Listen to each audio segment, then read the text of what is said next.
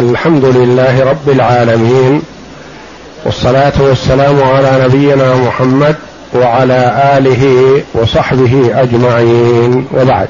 بسم الله.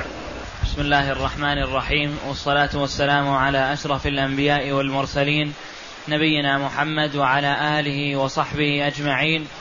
قال المؤلف رحمه الله تعالى متابعة البعوث والسرايا.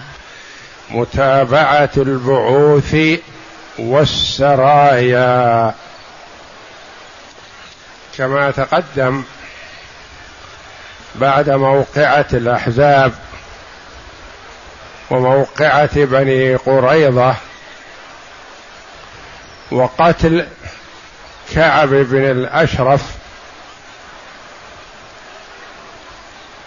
النبي صلى الله عليه وسلم أخذ يرسل السرايا والبعوث لأن الأعداء محيطين بالمدينة من كل جانب.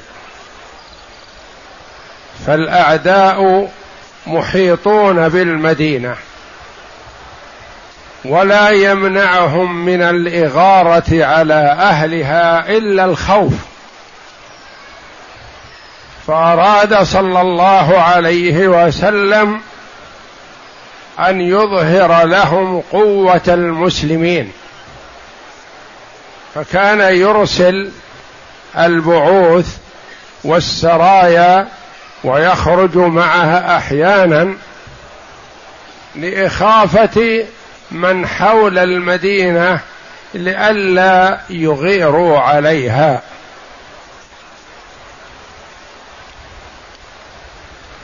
فكان صلى الله عليه وسلم باستمرار يرسل من ستة رجال إلى مئتي رجل إلى أكثر من ذلك. فيظهر القوة وأنهم لا يخافون ممن حولهم وأنهم يخيفون من حولهم حتى لعلهم يرعوا فيدخلوا في الإسلام ليأمنوا على أنفسهم وذراريهم وأموالهم. لأن النبي صلى الله عليه وسلم والصحابة رضي الله عنهم لا يريدون من الناس إلا أن يوحدوا الله جل وعلا ويقيموا شرعه. يؤدوا ما افترض الله عليهم. وهو عليه الصلاة والسلام. يعطي العطاء الجزيل. ما يريد من الناس المال. وإذا وقع المال في يده أنفقه في سبيل الله. يعطي عطاء من لا يخشى الفقر. أعطى رجلا غنما بين جبلين. وأعطى رجلا مائه من الإبل ثم استزاد فأعطاه مائه أخرى ثم استزاده فأعطاه مائه ثالثة. ثلاثمائة من الإبل عطية منه صلى الله عليه وسلم لرجل واحد. ويعطي الرجل ويعطي ابنه ويعطي ابنه الآخر. ما يبالي بالمال صلوات الله وسلامه عليه في سبيل الدعوة إلى الله وإعلاء كلمة الله. فهو يرسل البعوث والسرايا للناس لعلهم أن يدخلوا في دين الله. لا لأجل أن يكسب هؤلاء الأموال بل الأموال لا تساوي عنده شيئا. في مجال تحقيق توحيد الله جل وعلا. وهذه نماذج من البعوث والسرايا التي يبعثها صلى الله عليه وسلم. نعم. ثم تابع رسول الله صلى الله عليه وسلم في إرسال البعوث والسرايا وهاك صورة مصغرة منها. لأنها هي سرايا البحث فيها طويل وفوائدها عظيمة في الدعوة إلى الله جل وعلا وإظهار دينه لكن المؤلف رحمه الله التزم في بحثه هذا الاختصار. حتى يسهل لطالب العلم الإحاطة بهذه السرايا والغزوات والبعوث ثم إذا أراد أن يتوسع يرجع إلى كتب التاريخ الموسعة وهي كثيرة بحمد الله ومن أكبرها وأشهرها كتاب البداية والنهاية لابن كثير رحمه الله تعالى. نعم. الأول سرية عكاشة بن محصن إلى الغم. في ربيع عكاشة بن محصن رضي الله عنه هذا يسمى يوسف هذه الأمة. كان طويلا من الرجال جميل الوجه شجاعا آه، له مواقف مشرفة ومبادرات حسنة. لما ذكر النبي صلى الله عليه وسلم أمته وكثرتهم وأن معهم سبعون ألف يدخلون الجنة بغير حساب ولا عذاب. قام عكاشه رضي الله عنه وقال يا رسول الله ادعو الله أن يجعلني منهم. قال أنت منهم. فقام رجل آخر فقال ادعو الله أن يجعلني منهم. قال سبقك بها عشاشة. هذه من سياسته صلى الله عليه وسلم وحكمته حتى لا يتتابع الناس. فربما يقوم من لا يستحق دخول الجنة. فقال سبقك بها عكاشة. عكاشة رضي الله عنه شجاع وكان قد انكسر سيفه في أحد الغزوات فأعطاه النبي صلى الله عليه وسلم جذع حطب. فهزه فصار صيف سيف سيفا ثقيلا. وجاهد به رضي الله عنه حتى توفاه الله. وهو جذع حطب. من أوله إياه النبي صلى الله عليه وسلم. نعم. في ربيع الأول أو الآخر سنة ست من الهجرة خرج عكاشة في أربعين رجلا إلى الغمر ماء لبني أسد ففر القوم وأصاب المسلمون مئتي بعير ساقوها إلى المدينة. لما قربوا من العدو فروا وتفرقوا فأصابوا إبل منهم مئتي إبل فاستاقوها لأنهم أعداء فاستاقوا هذه الإبل وجاءوا بها إلى النبي صلى الله عليه وسلم. يأخذ النبي صلى الله عليه وسلم الخمس ويقسم الباقي بين الغانمين أنفسهم. الثاني سرية محمد بن مسلمة إلى ذي القصة في ربيع الأول أو الآخر سنة ست من الهجرة. محمد بن مسلمة هذا له مواقف مشرفة رضي الله عنه وكان النبي صلى الله عليه وسلم يعتمد عليه في كثير من الأمور وهو الذي ترأس الجماعة الذين قتلوا حيي بن أخطب اللعين الشقي الذي آذى المسلمين وألب عليهم الأعداء. وكان النبي صلى الله عليه وسلم يرسله إلى أهل خيبر ليخرس الثمار لأنه إنسان ثقة وعدل وموفق رضي الله عنه. فلما خرس الثمار قالوا له إنك أجحفت بنا أو أكثرت علينا أو نحو ذلك. قال يا إخوان القردة والله ما على الأرض أحد أبغض إلي منكم. ومع هذا والله لا أظلمكم حبة. أو كما قال رضي الله عنه يقول مع بغضي لكم وحبي لرسول الله صلى الله عليه وسلم والمسلمين ما يحملني هذا أن أن أظلمكم في تمرة أو حبة. رضي الله عنه. نعم. خرج ابن مسلمة في عشرة رجال إلى القصة في ديار بني ثعلبة. كان ربما يرسل السرايا والبعوث في وقت واحد. هذه تروح جهة الشرق وهذه جهة الغرب وهذه جهة الشمال حتى يلقي الرعب في الأعداء من جميع الجهات عليه الصلاة والسلام. قد يخرجون في يوم واحد هؤلاء إلى جهة وهؤلاء إلى جهة. فكمن القوم لهم وهم مئة فلما ناموا قتلوهم إلا ابن مسلمة فإنه أفلت منهم جريحا. الثالث سرية هذه سرية آه، محمد بن مسلمة رضي الله عنه أحاطوا بهم الأعداء والأعداء كثر وهم قليل هم في حدود أربعين رجلا. لا. آه. عشرة رجال الأربعون الذين بعدهم الأربعون السرية الآتية. هؤلاء الذين مع محمد مسلمة رضي الله عنه عشرة.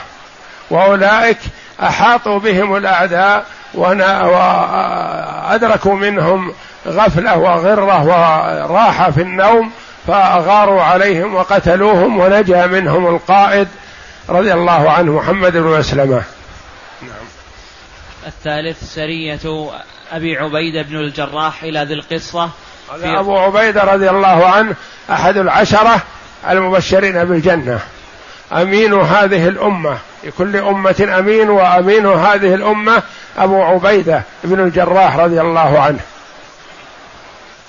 في ربيع الآخر سنة ست من الهجرة وقد بعثه النبي صلى الله عليه وسلم على إثر مقتل أصحاب محمد بن مسلمة فخرج ومعه أربعون رجلا إلى مصارعهم فساروا ليلتهم مشاة ووافوا بني ثعلبة مع الصبح فأغاروا عليهم فأعجزوهم هربا في الجبال وأصابوا رجلا واحد فأسلم وغنموا نعما وشاء.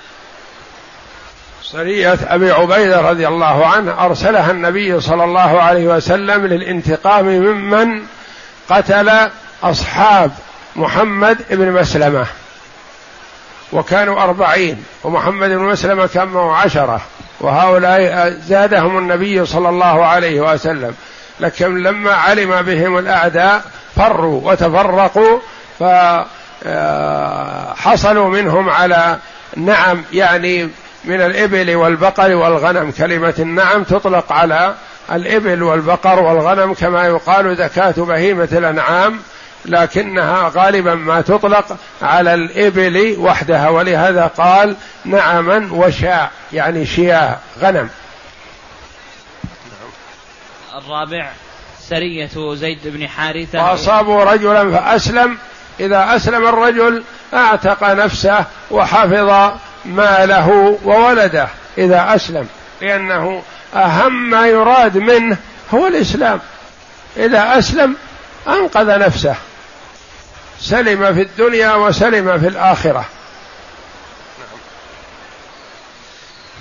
الرابع سرية زيد بن حارثة إلى الجموم في ربيع الآخر سنة ست من الهجرة.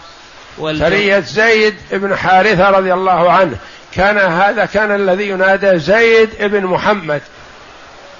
قبل أن ينزل قوله جل وعلا أدعوهم لآبائهم.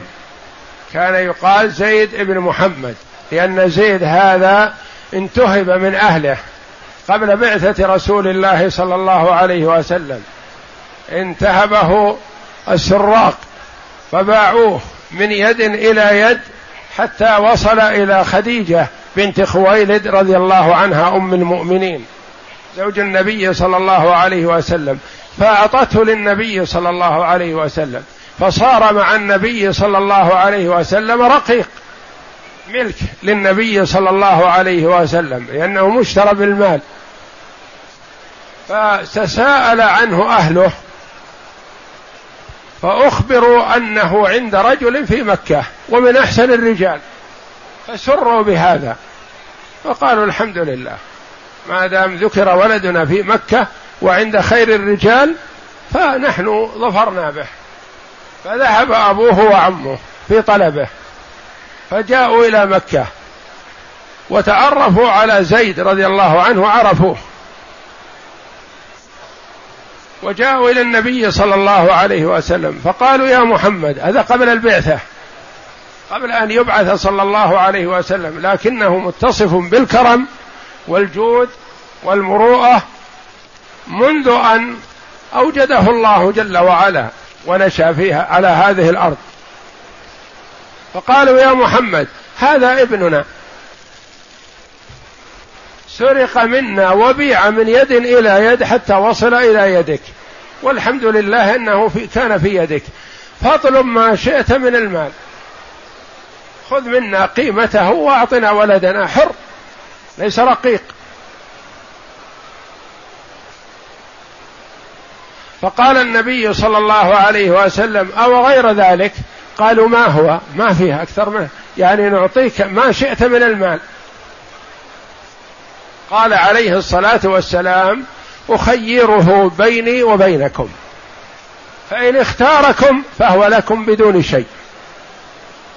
وإن اختارني فما أنا بالذي أرغب عمن اختارني أو كما قال صلى الله عليه وسلم. قالوا أنصفت وزيادة. هذا خير. ما دام أنك تخيره بين الرق مع رجل من قريش وبين أن يذهب مع أبيه وعمه أنصفت. ما, فوق هذا شيء. فدعاه صلى الله عليه وسلم وقال يا زيد تعرف هذا؟ قال نعم هذا أبي. قال تعرف هذا؟ قال نعم هذا عمي. يعرفهم لأنه سرق وهو يدرك ويعرف. قال وأنا من عرفت. تعرفني. فاختر ما شئت من شئت. تذهب مع ابيك وعمك أو تبقى عندي. قال ما أنا بالذي أختار عليك أحدا حتى الأب والأم. لأنه رأى من أخلاق النبي صلى الله عليه وسلم ما يبهر العقول. فضله على أبيه وأمه وهذا قبل البعثة.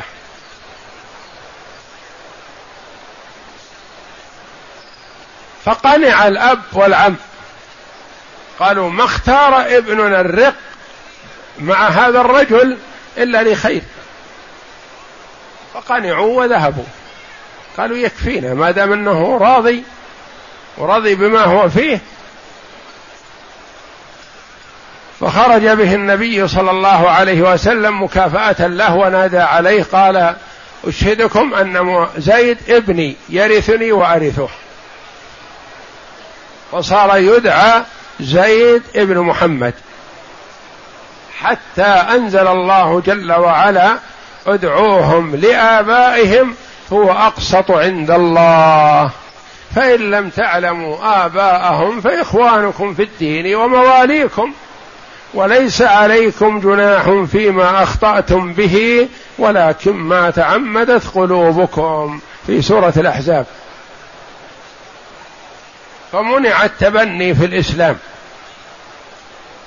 ما يتبنى الإنسان ابنا ليس له وإنما من حق الإنسان أن يأخذ اليتيم أو يأخذ اللقيط ويربيه وينميه على الإسلام وعلى الأخلاق الفاضلة لكن ما ينسبه إليه. ما ينسبه إليه فيشتبه أنه ولده. لا. يعطى اسمه إن كان له اسم معلوم معروف مثلا يتيم وإن كان لقيط فيعطى اسم مستعار. ما ينسب إلى من قام بتربيته حتى لا يتوهم أنه ولده. فالتبني ممنوع في الإسلام وإنما تربية الأيتام هذه فيها فضل عظيم لقوله صلى الله عليه وسلم أنا وكافل اليتيم كهاتين وأشار بالسبابة والوسطى صلوات الله وسلامه عليه.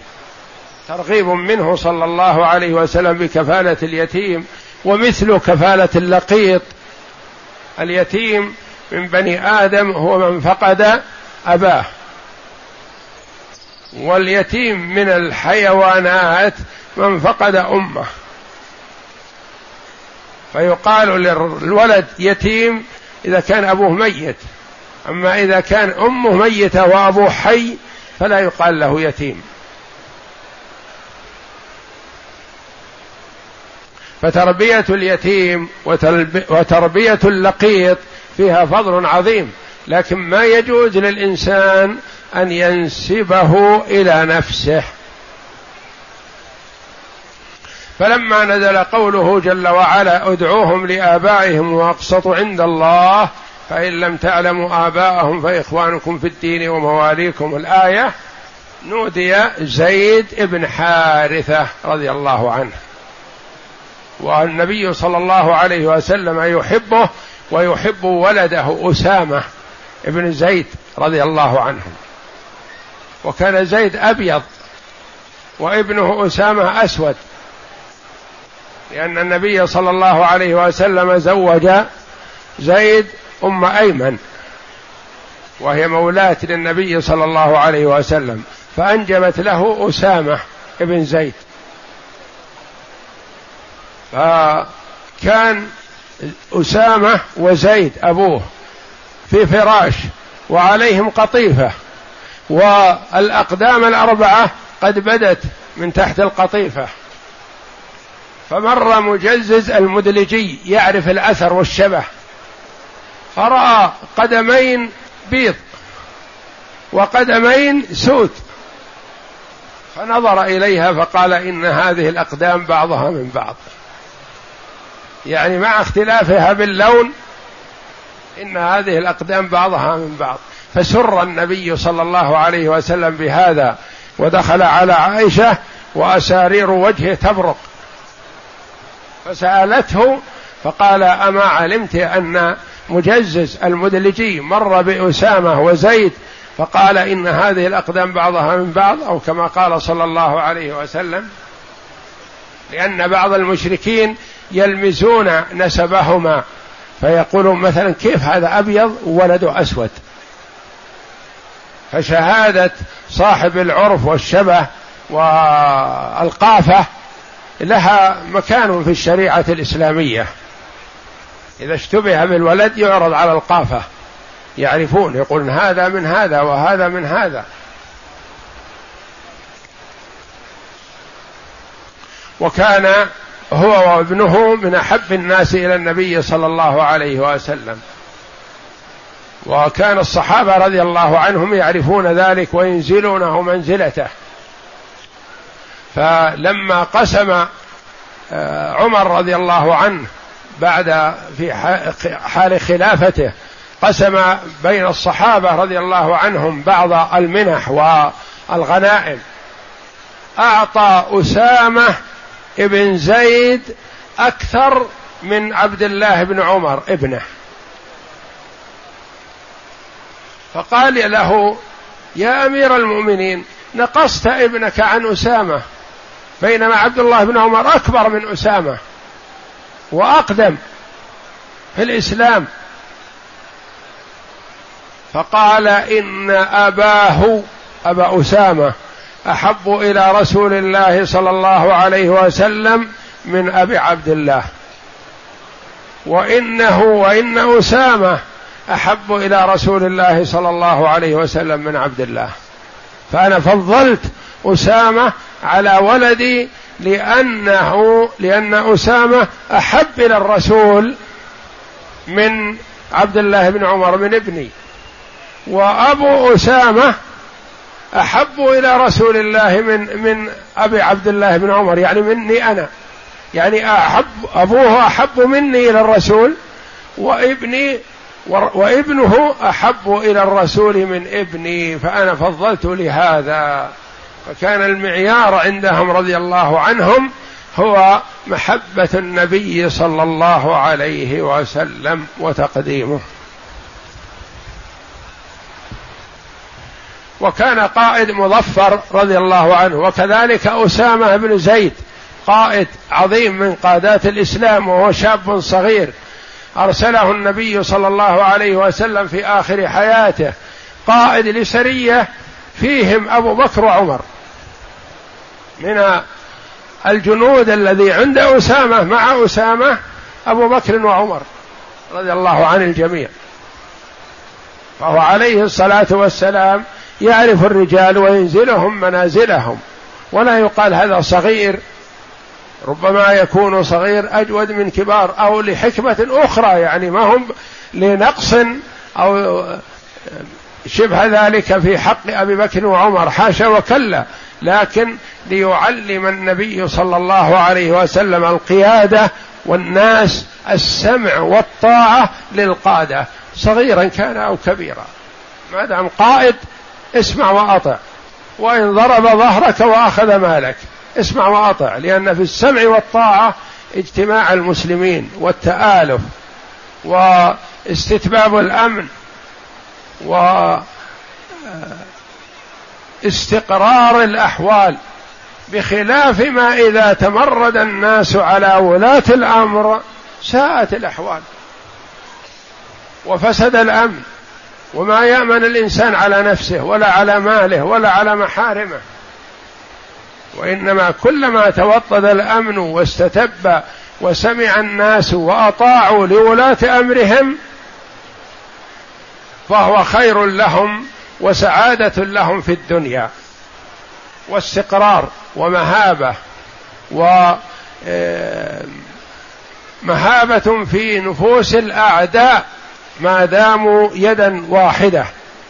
فالنبي صلى الله عليه وسلم يعلم الأمة السمع والطاعة للقيادة مهما تكن. وقال عليه الصلاة والسلام وإن تأمر عليكم عبد حبشي كأن رأسه زبيبة. يعني السمع والطاعة لولاة الأمر مقدم. وفيه مصالح عظيمة. حتى وإن كان من كان. فكان النبي صلى الله عليه وسلم يرسل زيد قائد ويرسل ابنه أسامة قائد لسرية رضي الله عنهم وأرضاهم. نعم. سرية زيد بن حارثة إلى الجموم في ربيع الآخر سنة ست من الهجرة والجموم ماء لبني سليم في مر الظهران. بعد وقعة الأحزاب وما حصل فيها من النصر والتأييد للمؤمنين والخذلان والهزيمة للكفار بدأ النبي صلى الله عليه وسلم يقرب في سراياه من مكة. في أول الأمر ما كان يرسل إلى الجموم قريبة من مكة. بعد هذه الوقعة وقعة الأحزاب ورجوع الأحزاب خائبين خاسرين مع تآل تكاتفهم وتعاونهم ضد النبي صلى الله عليه وسلم والصحابة واجتماع الجيش العظيم عشرة آلاف مقاتل. جاءوا للمدينة وسكان المدينة كلهم رجال ونساء وأطفال قالوا في ذلك الوقت ما يصلون إلى عشرة آلاف. فتولى الله جل وعلا تأييد رسوله والمؤمنين وخذل الأعداء مهما كثروا. وليشعر جل وعلا عباده بأن الغلبة والنصر والتأييد منه سبحانه لمن شاء. لا بالكثرة ولا بالسلاح ولا بالعدد. كما قال تعالى ويوم حنين إذ أعجبتكم كثرتكم فلم تغن عنكم شيئا.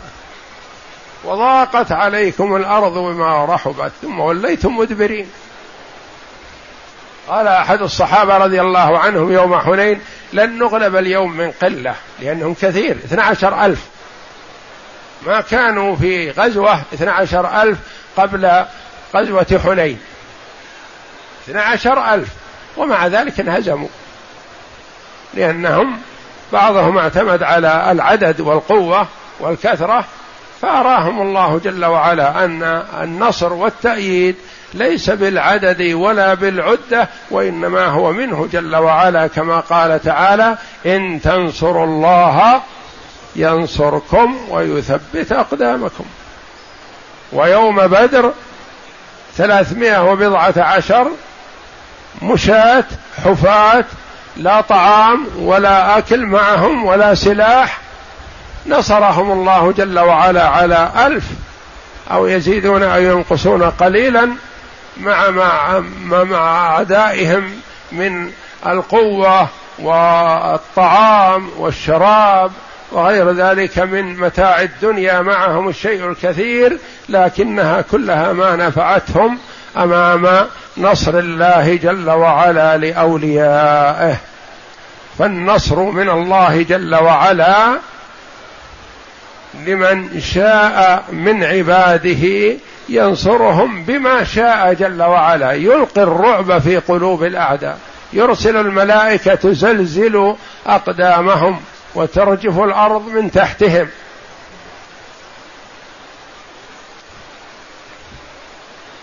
ففي هذه السرية قربت من مكة. ما كان قبل يقرب من مكة عليه الصلاة والسلام.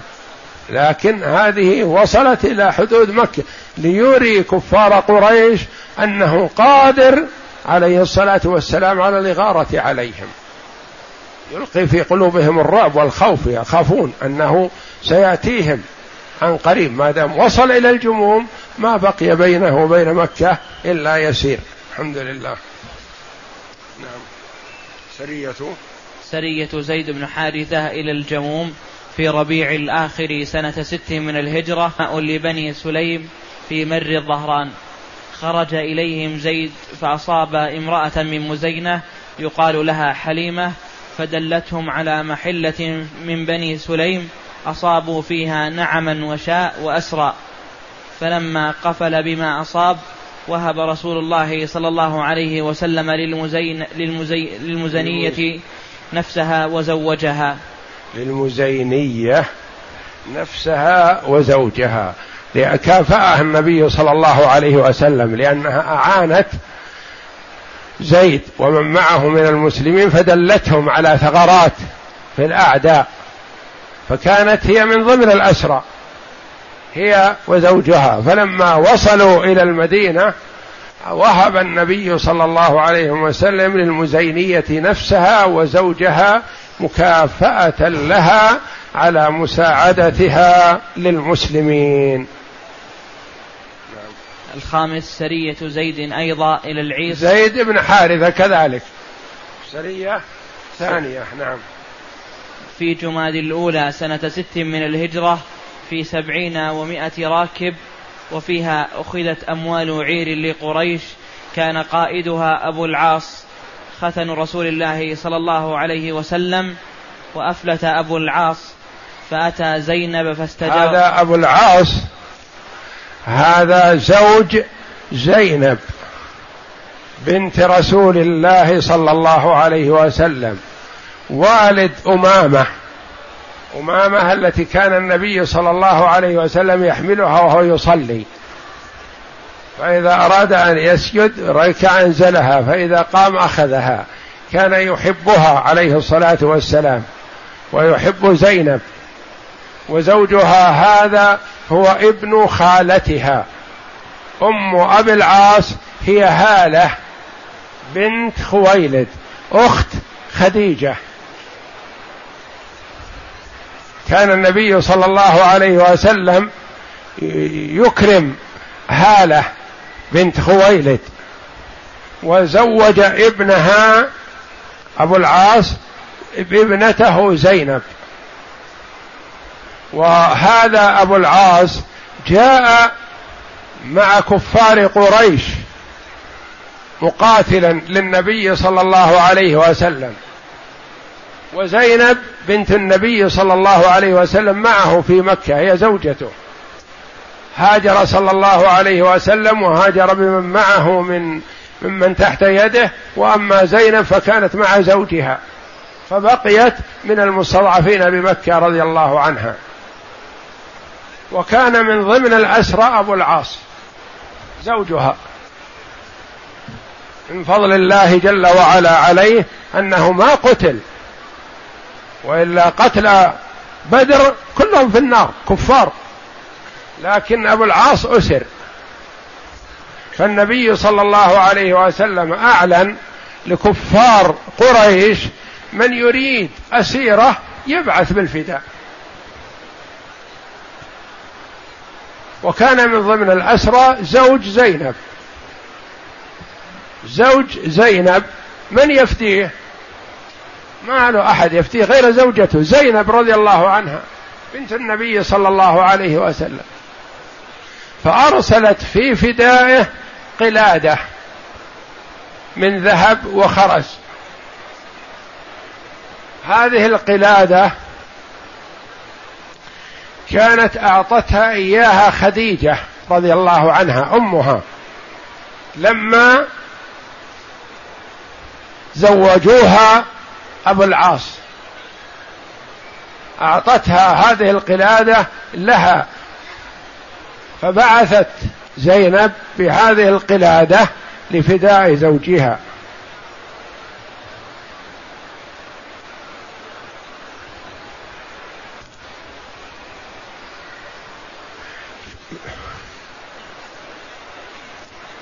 فلما رآها النبي صلى الله عليه وسلم حش لها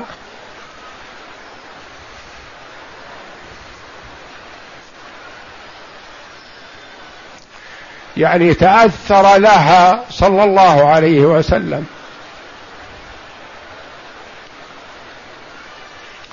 والتفت إلى الصحابة رضي الله عنهم وقال إن شئتم أرجعتم لها فداءها وأسيرها. الأمر راجع إليكم.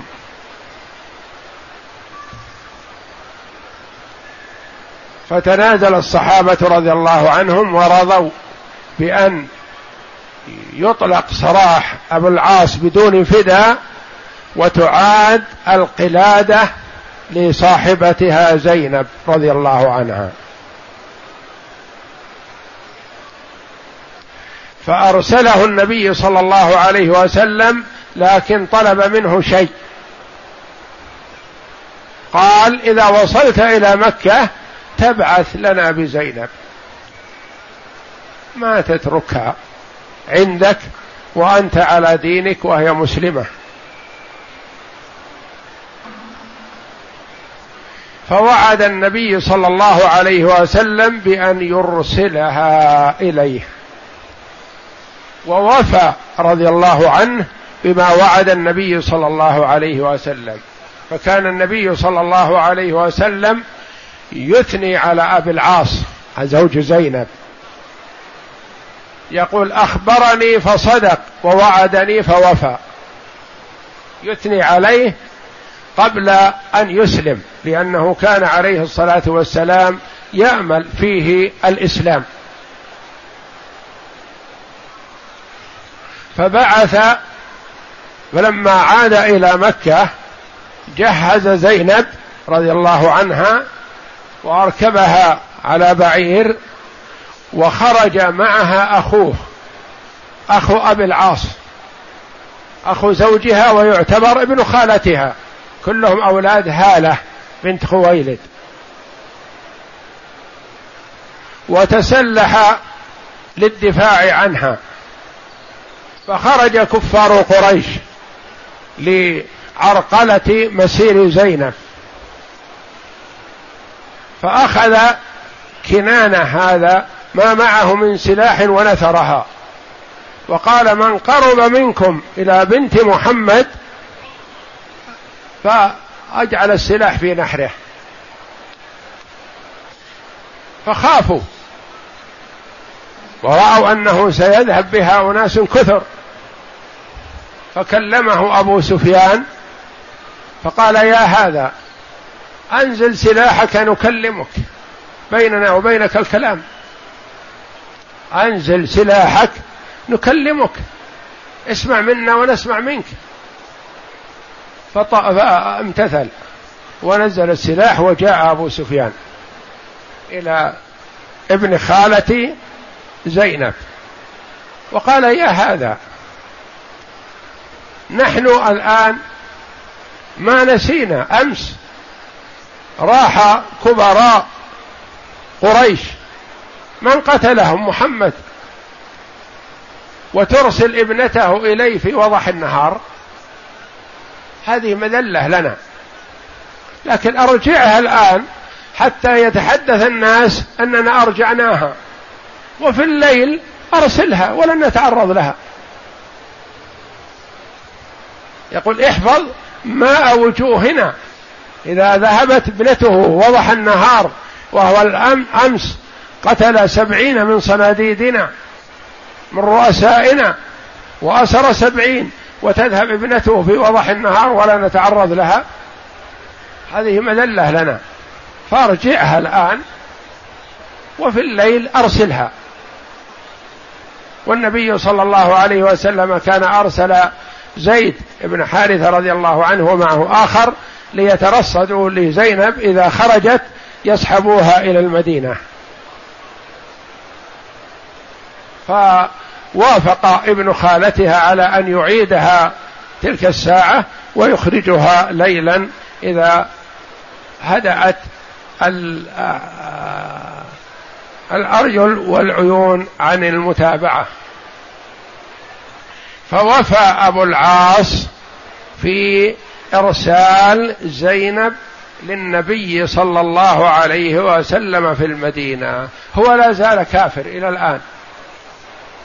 وأعطته قريش أموال عظيمة يذهب بها إلى الشام يتاجر بها. وجاء بتجارة عظيمة من الشام. وأرسل النبي صلى الله عليه وسلم زيد رضي الله عنه. ومعه عدد من المسلمين للاعتراض لقافلة أبي العاص.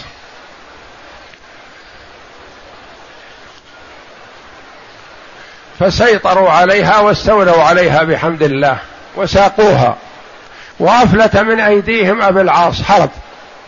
ما استطاعوا أن يمسكوه. فدخل المدينة مستخفيا. وذهب إلى زينب رضي الله عنها زوجه بعد مضي وقت طويل فاستجار بها فأجارته. فلما كان الناس في صلاة الفجر نادت رضي الله عنها فقالت أيها الناس إني قد أجرت ابا العاص ابن الربيع. وذمة المسلمين واحدة يسعى بها أدناهم وهم يد على من سواهم. وقد قال النبي صلى الله عليه وسلم قد أجرنا من أجرت يا أم هانا. فكان في المدينة بجوار زينب رضي الله عنها. ثم إن النبي صلى الله عليه وسلم لما جاءوا بهذه الأموال العظيمة كانت مع ابي العاص وهي له ولكفار قريش ولأناس كثر. قال للصحابة رضي الله عنهم ولأهل السرية هذه لزيد ومن معه قال لهم إن هذا الرجل منا كما علمتم. تعرفون أنه زوج ابنتي. وإن هذا المال فيء الله. وإن رأيتم أن تتركوه له فأنا أحب ذلك. وإن رأيتم الا تتركوه له فهو فيء فاءه الله إليكم ملككم. لكنه عليه الصلاة والسلام يعرض على الصحابة أصحاب السرية يقول إن رأيتم تتركون تعطونه ماله. وإن رأيتم الا تعطوه فهو فيء فاءه الله إليكم مالكم.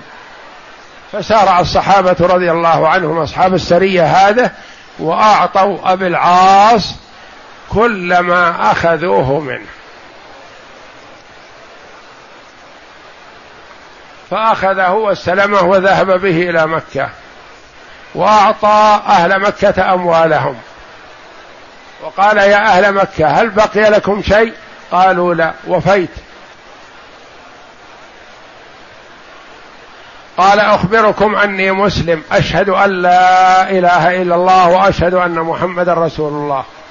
وسأذهب إلى محمد.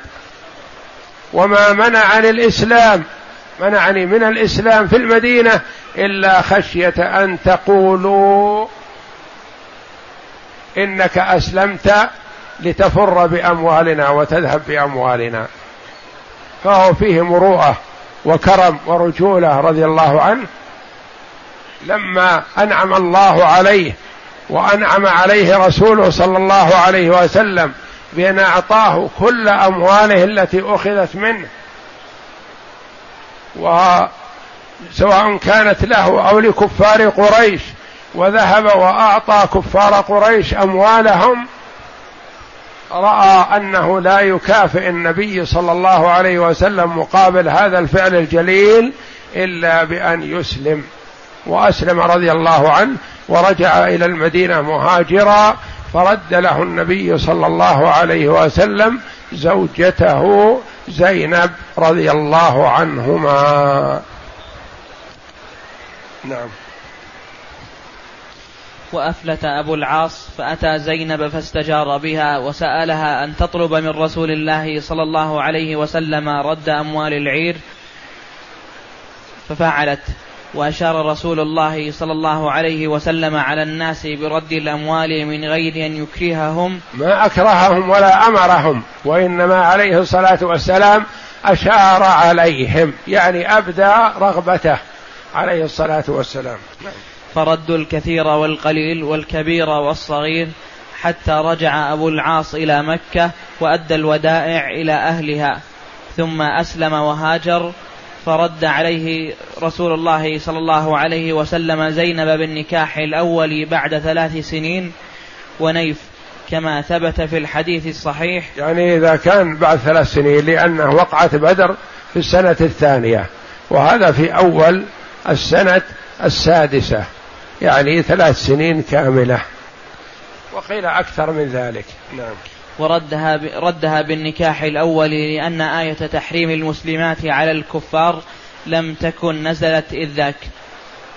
وأما ما ورد من الحديث من أنه رد عليه بنكاح جديد أو رد عليه بعد ست سنين فلا يصح معنى. كما أنه ليس بصحيح سندا يعني ما فيه ما هو معقول يكون ست سنين. لأنها هذه الوقعة مثلا بعد وقعة بدر بدر في السنة الثانية. وهذا السرية مثلا في السنة السادسة. ما يكون ست سنين. ثم إنه بعد في نفس السنة السادسة حصل صلح الحديبية. وصلح الحديبية يضمن لكفار قريش أن النبي صلى الله عليه وسلم والصحابة ما يغيرون على أموالهم. انه في هدنة بينهم. فهذا لابد أن يكون قبل السنة السادسة. يعني في السنة السادسة فما قبل. فما يصح أن يكون بين آه، مجيء زينب رضي الله عنها من مكة إلى المدينة وبين ردها لزوجها لما جاء مهاجرا ست سنوات. يقول ما يصح معنى ولا يصح سندا. نعم. والعجب ممن يتمسكون بهذا الحديث الضعيف فإنهم يقولون إن أبا العاص أسلم في أواخر سنة ثمان قبيل الفتح ثم يناقضون أنفسهم فيقولون إن زينب ماتت في أوائل سنة ثمان وقد بسطنا الدلائل في تعليقنا على بلوغ المرام. وجنح موسى بن عقبة أن هذا الحادث وقع في سنة سبع من الهجرة من قبل أبي بصير وأصحابه. ولكن ذلك لا يطابق الحديث الصحيح ولا الضعيف. والله أعلم. وصلى الله وسلم وبارك على عبد ورسول نبينا محمد وعلى آله وصحبه أجمعين. يقول السائل ما حكم رجل كلما غضب على زوجته قال اذهبي إلى بيتكم حتى يذهب عنه الغضب وحصل هذا منه مرتين وقال لبعضهم وقال البعض يحتسب طلاقا فما الحكم؟ هذا يختلف بنيته. إن كان بقوله اذهبي إلى بيتكم يعني يريد فراقها وطلاقها هذا كناية من كنايات الطلاق. وأما إن كان مثل ما قال في آخر ما قال يقول حتى يذهب عني الغضب اذهبي إلى بيتكم حتى يذهب عني الغضب فهذا ليس بطلاق. يقول ما يحسن أن نبقى وإياك في حال الصدام وإنما أبعدي عني حتى أهدى ويذهب غضبي فلا بأس بهذا. هذا فيه تفصيل يحسن أن يرجع فيه هو وزوجته إلى الحاكم الشرعي ليسمع من الطرفين.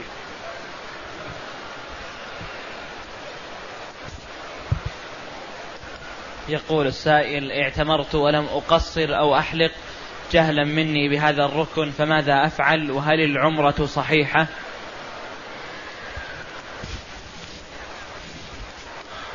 العمرة صحيحة إن شاء الله والتقصير ليس بركن بل هو واجب من واجبات الحج واجب من واجبات العمرة. فرق بين الركن والواجب والسنة. الواجب الركن لا بد من الاتيان به. والواجب إذا تركه جهلا أو نسيانا ففيه الفدية.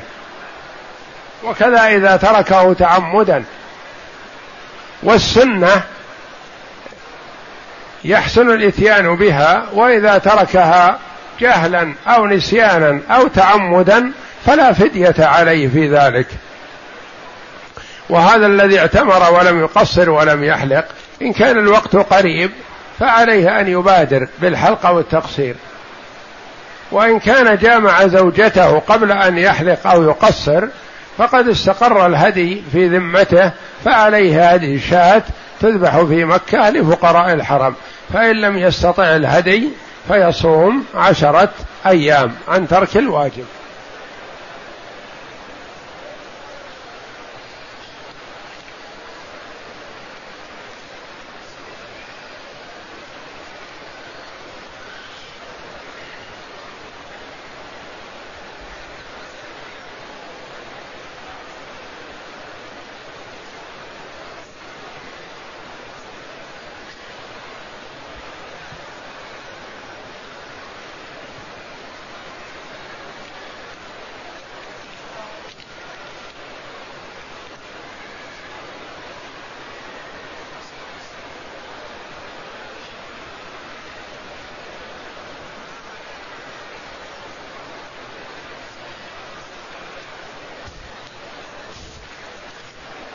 يقول السائل امرأة لديها عمارة وتريد أن تعطيها لأبناء أختها ولها عمارة أخرى ولها الثلث من هذه العمارة وتريد أن تعطي أولاد عمومتها الثلث الذي في العمارة الأخرى فهل, فهل يجوز لها ذلك؟ أولا في حال صحة المرء رجلا كان أو امرأة له كامل التصرف في ماله ما لم يقصد الإضرار بالورثة. يعطي واحد من أقاربه سواء كان وارث أو غير وارث لا حرج عليه. إذا قصد الإضرار بالورثة فهذا يأثم. وأما إذا قصد مكافأة هذا الرجل لفعل أسداه أو احتسابا أو لأنه فقير أو لأنه ذو عيال وأعطاه ما أعطاه من المال فهو حر في هذا لأن المرء يتصرف في ماله في حال صحته بما شاء مما أباحه الشرع. فإذا مرض فليس له التصرف إلا في مقدار الثلث فأقل. فينظر في تصرف هذا المتصرف. إن كان قصد حرمان الورثة من بعض المال فلا يجوز له ذلك وهو آثم والعطية تنفذ. وإن لم يقصد ذلك وإنما قصد الإحسان إلى من أحسن إليه ونحو ذلك فهو حر في التصرف ما دام صحيح. وإذا مرض فليس له التصرف إلا بمقدار الثلث فأقل.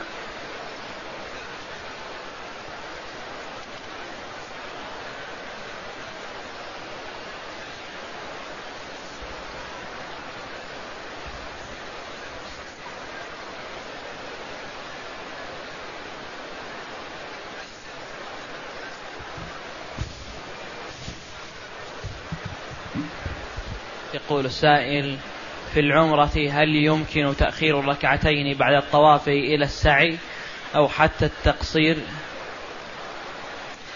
لا بأس بتأخير ركعتي الطواف. إذا صلاهما بعد الطواف فحسن. أو صلاهما في البيت فحسن. أو صلاهما في الطريق إن كان مسافرا فلا بأس عليه. لأنه جاء أن عمر رضي الله عنه طاف للوداع وخرج إلى المدينة فصلى ركعتي الطواف بذي طوى يعني خارج مكة رضي الله عنه.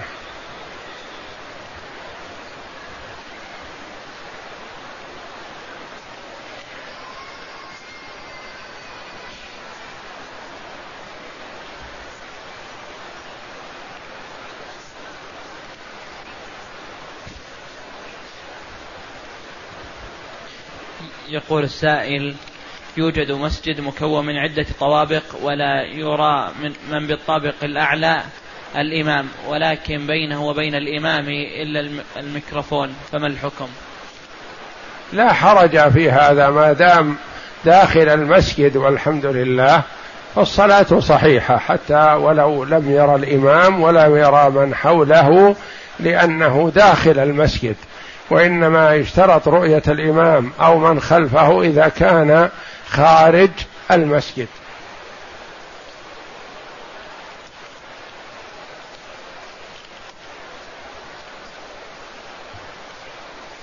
هذا الذي يقول أغواه الشيطان للوقوع في الفاحشة لكنه عندما عزم على ذلك عدل.